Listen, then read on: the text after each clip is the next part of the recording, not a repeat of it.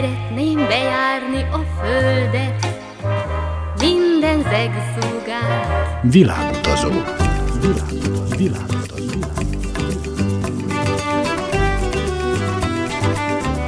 Barangoljon varázslatos tájokon az Újvidéki Rádióval. Kedves hallgatóink, Önök a Világutazók 200. műsorát hallgatják. A mikrofonnál Trifkovics Rita, a zenei szerkesztő Szikora Csaba. Ma és a jövő héten Afrika legkisebb köztársaságába, Gambiába kalauzoljuk hallgatóinkat. Nyúl Patrícia Mária Fidielis nővér missziós munkát vállalt Gambiában. Az ott tartózkodásáról Kónya Kovács Otília kérdezte. Közben pedig ismerkedünk a gambiai zenével és táncdalokkal. Maradjanak velünk!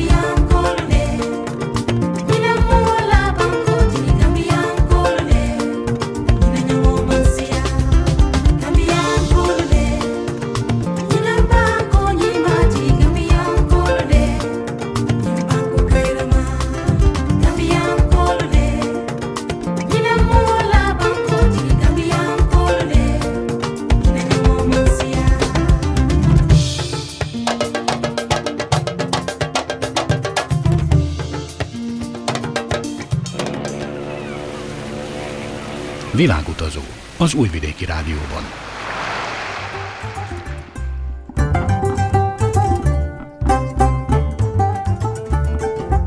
Nyugat-Afrika mini államának beceneve a Mosolygó part.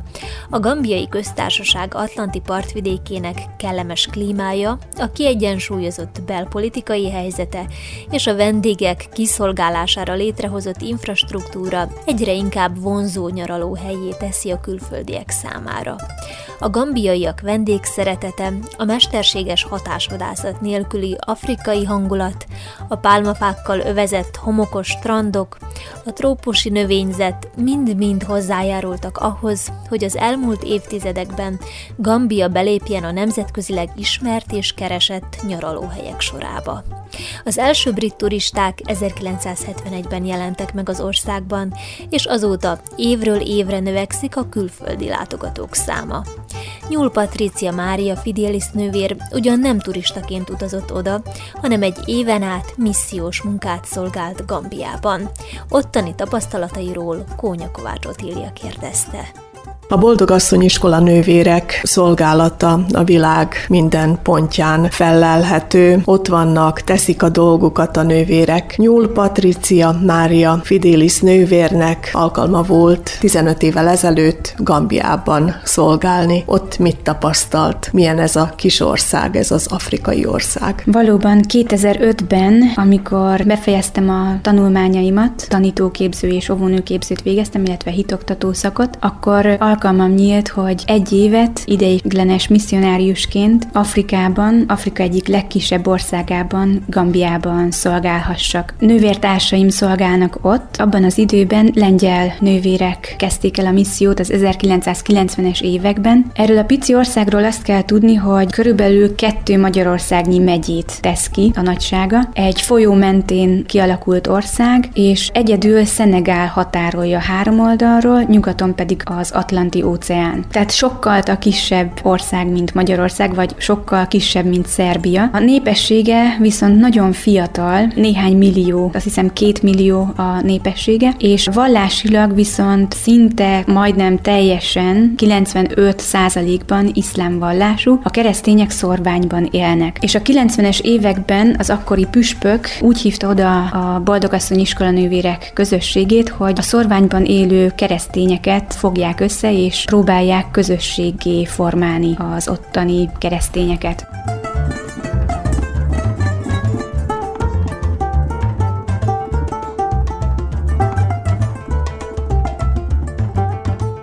Amikor én odaérkeztem, akkor két helyen szolgáltunk, két közösségünk volt, három-három fővel. Az egyik körülbelül egy olyan 200 kilométerre a fővárostól, a másik meg körülbelül félúton a misszió és a főváros között. Ez egy vidéki település, hát európai viszonylatban egy hát falunak számítana mondjuk így, de ott egy ilyen kis városka lehetett. Szómának hívják azt a helyet, ahol én szolgáltam, és a feladatom közé tartozott, hogy az ottani missziós óvodában óvodában osztályfőnök legyek, tehát körülbelül 120 kisgyermek járt abba a missziós óvodába, vagy előiskolába, és a legnagyobbakat kaptam én 32 fővel. Ebből a 32 főből, hát legalább ötféle törzsből valók voltak a gyerekek, és mindössze négy kis keresztény gyerek járt az osztályomba, a többi mind iszlám vallású volt. De jó részt a szülők ebbe a missziós óvodába íratták a gyermeküket, mert az köztudott volt, hogy itt tanulnak is valamit, tehát az állami oktatás az még eléggé fejlődésre, fejlesztésre szorul. Ezt onnan tudom, hogy az osztályommal kihívtuk versenyre a szemközti általános iskolás elsős gyerekeket, és az én ovisaim nyertek az általános iskolásokkal szemben, és akik oda mentek tovább általános iskolába, ők rögtön második osztályba kezdték a tanulmányt. Tehát ezt innen tudom, hogy milyen a színvonal. Természetesen nem akarom én ezt általánosítani, csak a szemközti tapasztalatom ezt mutatta.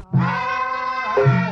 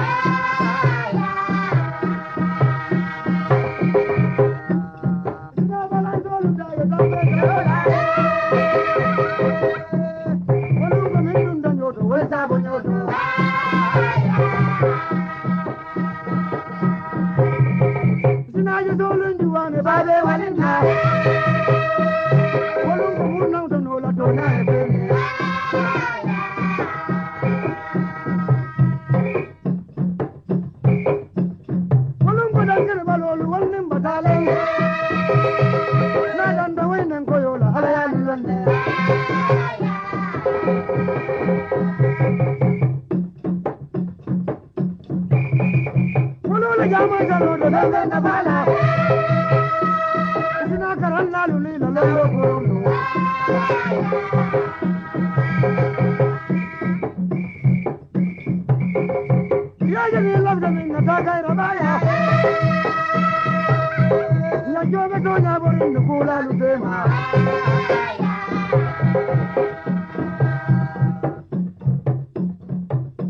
Körülbelül másfél milliós népességével a Gambiai Köztársaság az afrikai kontinens legkisebb szárazföldi országa. Nyugat-Afrikában fekszik, szokatlan formája van. Az ország az összterület 11%-át elfoglaló Névadó folyópartján hosszú tölcsérként terül el. A Gambia folyó széles torkolattal ömlik az Atlanti óceánba. Az ország területe sík, lankás vidék, legmagasabb pontja 53 méter. Domborzati és talajviszonyait a folyóvölgy jelleg határozza meg. Az éghajlat trópusi, az esős, forró évszak júniustól novemberig tart. A turista szezon száraz, kellemes időszaka november végétől májusig élvezhető. Az ország fekvését, kialakulását központi vízi útja a Gambia folyó határozza meg. Egyetlen szomszédja a Szenegáli Köztársaság, amely 740 km hosszú szakaszon veszi körül. A szolgálataim közé tartozott még, hogy délutánonként a plébániához tartozó keresztény családoknak a gyerekeivel foglalkoztam. Ez többnyire azt jelentette, hogy ha jöttek délután a gyerekek, akkor kinyitottam egy termet, ami a templomocskánk mellett épült, egy nagy termet, ahol tudtunk gyakorolni, tudtunk, hát leckéjük nem nagyon volt, de hát valami iskolás dolgot így gyakoroltunk, illetve egy énekkart alakítottunk, mert azt vettem észre, hogy az angol tudás tudásuk azért fejlesztésre szorul. Ugye Gambiában a hivatalos nyelv az angol, de mint mondottam, nagyon sok törzs él Gambiában, és minden törzsnek megvan a saját törzsi nyelve, amit otthon beszélnek, de az oktatás nyelve az az angol. És hát nekem is kihívás volt számomra nem az anyanyelvemen tanítani a gyerekeket az alap dolgokra, és hát nekik is szép kihívás volt idegen nyelven megtanulni, írni, olvasni, számolni. És akkor angol énekeket tanultunk, és így ezáltal a az angol nyelvtudásuk is gazdagodhatott. És akkor időről időre, vasárnaponként a Szent Misén egy-egy ilyen gyerekéneket is énekelhettünk. Ugye a Szent Mise is több nyelven folyt, az atya angolul misézett, de volt egy úgynevezett katekéta, aki akár több nyelvre fordította a mise részeit, vagy a prédikációt. Illetve még ennek az énekkarnak az lett a végkifejlete, hogy egy kirándulást szerveztünk évvégén a gyerekekkel. Ez pedig azért volt nagyon jó, mert a legtöbb gyermek szinte nem is hagyta el az otthonát, vagy azt a kis városkát, és akkor elvittük őket egyetlen terepjáróval, 23-an utaztunk, hát ez Afrikában nem lehetetlen, és elmentünk egy filiánkba, ahol régen a missziós atyák építettek egy házat, és akkor ott töltöttünk egy hétvégét velük, meglátogattunk egy híres szigetet, ahol valamikor a rabszolgákat gyűjtötték össze, tehát ez történelemből fontos helyszín volt így a gyerekek számára, hogy ismerjék a saját saját történelmüket. Talán valaki régen láthatta a Kunta Kinte sorozatot, a főszereplőt ott tartották fogságban, és Gambiából rabolták el. Valamint élmény volt számukra ez a házikó, mert ez egy emeletes ház volt, és hát ugye a legtöbb gyerek ilyen sárkúnyhóban él, már az élmény volt nekik, hogy fölmentünk lépcsőn az emeletre, és ott aludtunk.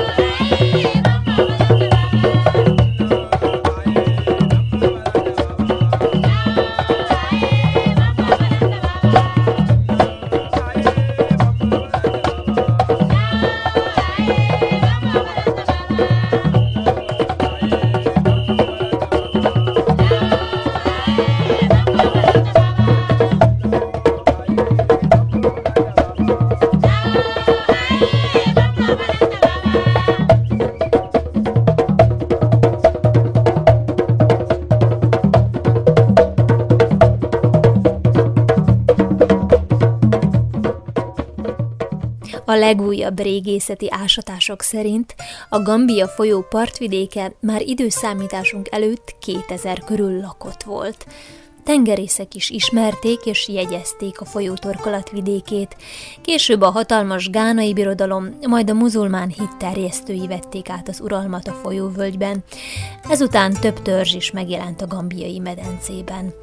Idővel a brit gyarmatosítók átvették a hatalmat a terület felett. Az angol korona képviselői védelmet és anyagi javakat adtak az egymással harcoló törzsek vezetőinek, majd lépésről lépésre növelték befolyásukat. Az elmúlt századok során több európai nemzet próbálta megnyerni a térség feletti rendelkezés jogát. A térségben a cserekereskedelem keretei között az európaiak elsősorban sót, vasat, edényeket, fegyvereket, lőport adtak, elefántcsontért, ébenfáért, még viaszért, aranyért és rabszolgákért cserébe. Érdekesség, hogy az ország fő export termékét jelentő földi magyaró ültetvényeket a portugálok telepítették a folyópartra, sőt, brazíliai tapasztalataik alapján a mangó és a papaja elterjesztése is hozzájuk kötődik. A régió 1765-ben hivatalosan is a brit korona szenegambiai gyarmatának részévé vált, St. Louis székhelyjel. A brit birodalom önálló gyarmati státuszát 1888-ban nyert el, egy időben a szomszédos Szenegál francia gyarmattá válásának bejelentésével. A két ország közötti határvonal pontos és végleges meghatározására csak 1904-ben került sor. Az afrikai kontinens utolsó államaként 1965-ben Gambia elnyeri függetlenségét, és egyúttal a brit nemzetközösség tagja lesz. Nyúl Patrícia Mária Fidelis nővér meséli el gambiai tapasztalatait. Gambia egy folyómenti ország. Na most a folyó tele-tele van halakkal. Az ország közepéig körülbelül sós vízű a folyóvíz, az Atlanti óceánból, ahogy az apály-dagály következtében a sós víz beáramlik, illetve az ország belsejében pedig édes vízű, tehát másfajta halak találhatók a különböző helyeken. Hát én nagyon szeretek horgászni, úgyhogy a gyerekekkel is mindig mentünk horgászni, és hát olyan szerencsénk volt, meg olyan bőséges ez a folyóvíz hal állományban, hogy mindig vittünk haza halat. Életem első afrikai harcsáját is itt fogtam, és akkor ebből készítettünk ebédet vagy vacsorát, illetve a gyerekek is vitték haza, ennivalót készítettek belőle, vagy rákot fogtunk, és akkor életemben először ráklevest főztünk, meg rákot ettem, tehát voltak ilyen élményeink is. Aztán szintén a plébániához tartozó gyerekekkel az óvoda mellett volt egy kis terület, ami hát az esős évszak után nagyon gazos volt, de azt így megtisztítottuk, és elkezdtünk kertészkedni a gyerekekkel, és akkor minden kicsi csinált egy ilyen kis parcellát magának, ahova hát különböző növényeket ültettünk, ilyen sóska vagy spenótfélét, paradicsomot, hagymát, kasszávát gyökeret, és akkor hát az bizony a száraz évszakban naponta locsolni kellett. A missziós udvaron volt egy furtkút, onnan tudtunk vizet venni, és akkor hát így növekedtek a különböző növények, és a legnagyobb élményem az volt, hogy az egyik is ovisom paradicsomot termesztett, és akkor én nem a piacon vettem paradicsomot, hanem tőle vásároltam, és összegyűjtött egy pár száz forintnyi összeget, és boldogan jött újságolni, hogy ő ebből vett magának egy papucsot, mert hogy nem lett volna másként pénzük rá, úgyhogy ő megkereste a papucsának az árát, és nagyon boldogan mutatta az új lábbeliét. lanjuruto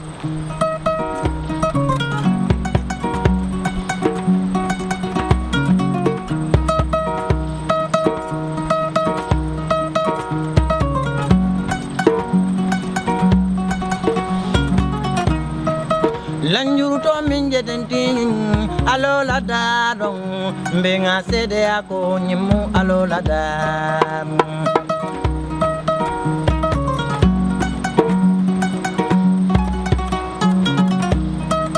lanjuruto min jetendin alola daron nga sede ako nyimu alola daridi wayik alola darun nga sede ako nyimu alola kiridi.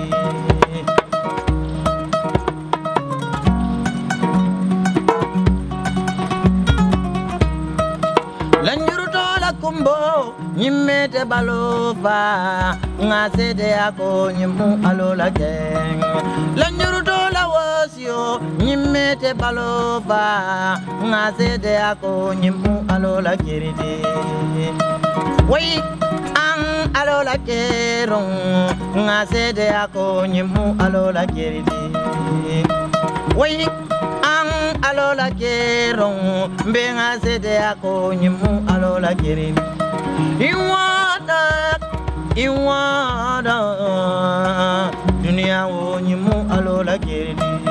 alinga la njuru tolu bonya nyela nyanto di la duniya kono. Nga sede ako nyimu alo la kiridi la njuru to min jetending alo la kerong mbe nga sede ako nyimu alo la kiridi Világutazó az Újvidéki Rádióban.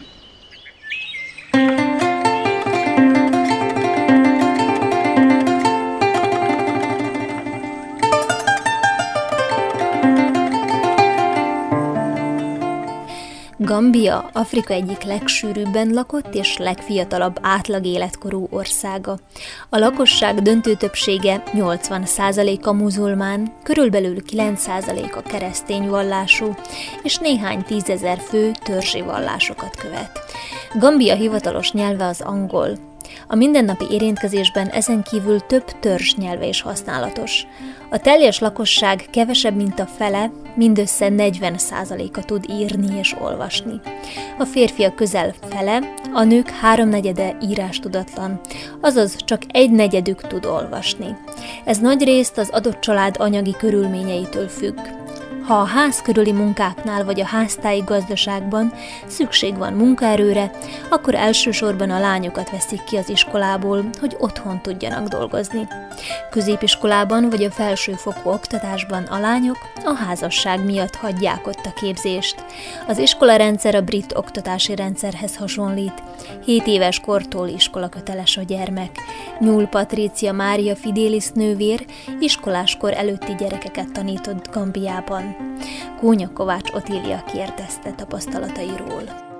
Az óvodában pedig, mint mondtam, vagy említettem, az alap dolgokat kellett megtanítanom a gyerekeknek. Hát ugye friss diplomásként magyarországi kevés gyakorlat után rögtön egy idegen környezetbe kezdtem el tanítani. Első napokban az óvodában ugye volt 120 kisgyerek, úgy nagyjából 3 évesek, 4 évesek, 5-6 évesek, de sokan nem tudták a korukat meghatározni, mert nem volt ugye születési anyakönyvi kivonatuk, így a fogváltásból láttam, hogy ők a legnagyobbak már, már, és akkor ők tartoztak az én osztályomba. Három osztályt kellett volna indítani, de egyenlőre egyetlen egy tanárnő volt, vagy óvónő volt, meg én, és akkor az első néhány napot, hetet így töltöttük, hogy hol én voltam két osztályjal, hol ez a tanárnő. Ráadásul ugye angol nyelven folyt minden, és hát én tanultam angolul Magyarországon, de az afrikai angol az nagyon más kiejtésű, és nem túlzok, hogyha azt mondom, hogy az első három hétben így próbáltuk csak megérteni egymást a gyerekekkel, de aztán így egymásra hangolódtunk, és idővel érkezett egy tanárbácsi is, és akkor így minden osztálynak már volt egy tanára, illetve kaptam egy segítséget, mert a missziókért felelős valaki ismert egy fiatal lányt, akinek semmiféle végzettsége nem volt, de nyitott volt arra, hogy mondjuk velem együtt dolgozzon. És ez azért volt nagyszerű, mert hát én ismertem egy-két módszert, amivel tudjuk tanítani a gyerekeket, ő meg azért ismerte a helyi szokásokat, a nyelveket. Olvasni nem nagyon tudott, de így kiegészítettük egymást, és akkor így most már négyen voltunk a tanári kar a 120 kisgyerekre.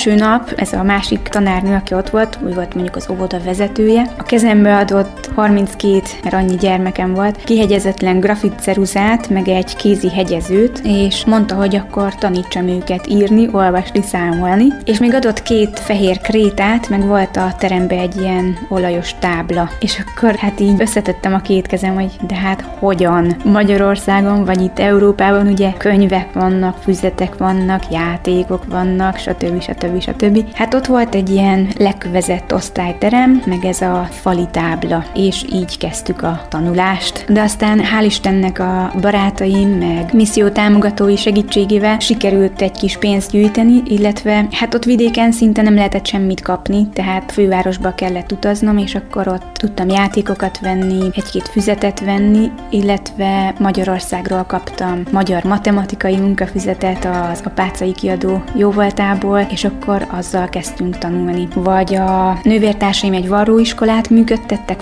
fiataloknak, onnan kaptunk maradék anyagokat, és akkor mindenkinek tudtunk egy kis zsákot varni. Aztán a cérna műanyag tartóiból ilyen számolókorongokat gyártottunk, meg kupakokat gyűjtöttünk, és akkor azzal számoltunk. Tehát így leleményesen összeszedtük az eszközöket, amit a körülmények engedtek, és akkor így tanév végére valóban hát megtanultak valamennyire írni, olvasni, számolni a gyerekek, de hát ez naponta szép kis kihívás volt.